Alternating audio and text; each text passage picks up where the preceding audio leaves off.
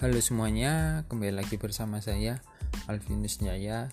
Pada podcast kali ini saya akan sedikit bercerita dan membahas tentang millennial living atau tempat tinggal milenial.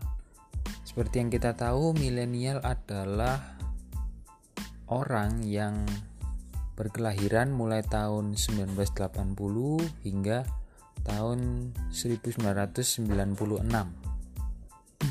Milenial ini memiliki slogan yang mungkin pernah kita dengar yang sering dilontarkan anak muda masa kini adalah YOLO alias you only live once. Ya, hidup kita cuman sekali, ya ngapain dibikin ribet. Oke, mungkin itu sering kita dengar ya dari anak muda zaman sekarang.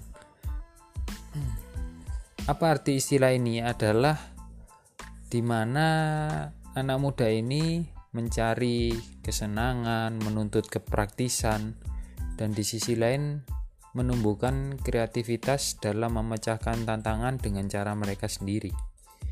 Ya, inilah eranya generasi milenial Generasi ini mencakup separuh dari penduduk berusia produktif di Indonesia loh sekarang. Ya. Generasi ini juga bisa disebut generasi langgas ya. Karena apa disebut langgas?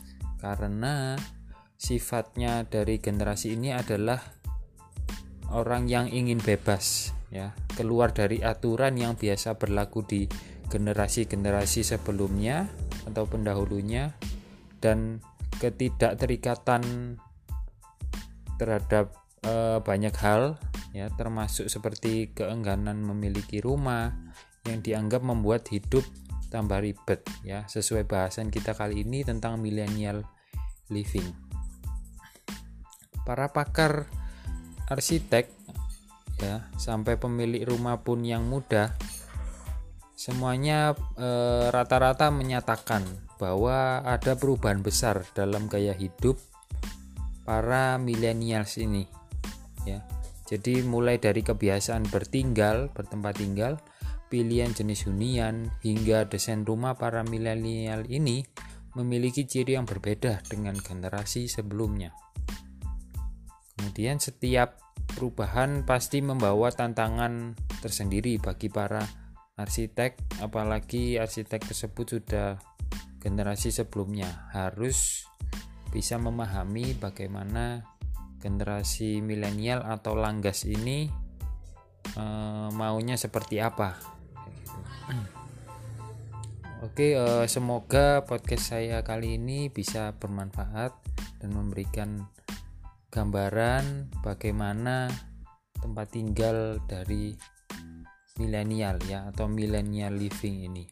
Oke, selamat datang di era milenial.